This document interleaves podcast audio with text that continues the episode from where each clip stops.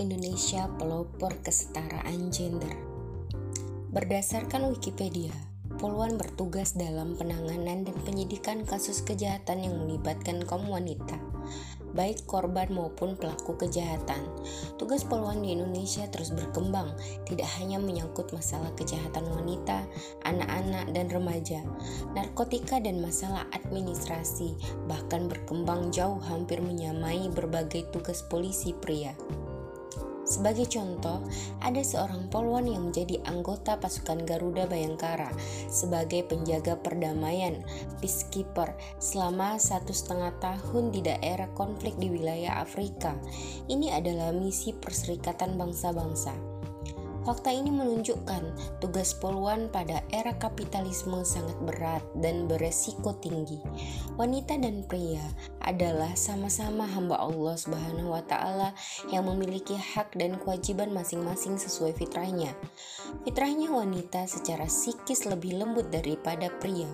Secara fitrah, pekerjaan yang mampu wanita lakukan tidak seberat pria karena memang secara fisik tidak sekuat fisik mereka.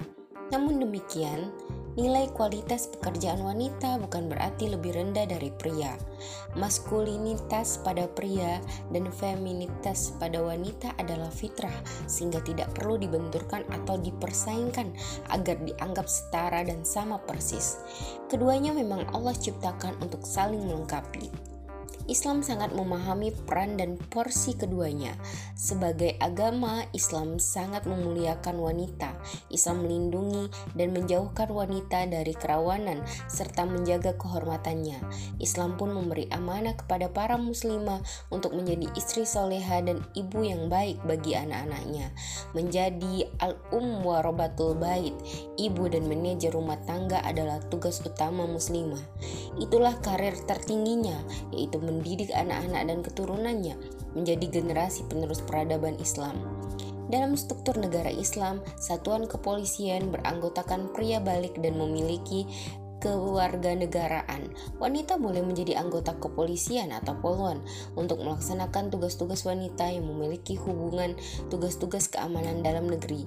Negara akan mengeluarkan undang-undang khusus untuk mengatur masalah ini sesuai syariat Islam.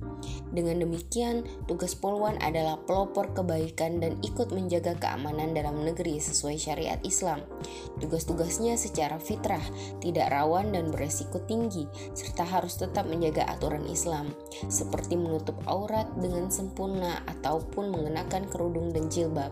Selain itu, dalam Islam, peran poluan sama sekali tidak untuk menjadi setara dengan pria, sebagaimana konsep kesetaraan gender, tetapi lebih pada membantu negara menjalankan fungsinya, menerapkan syariat Islam secara menyeluruh ke seluruh pelosok negara Islam. thank you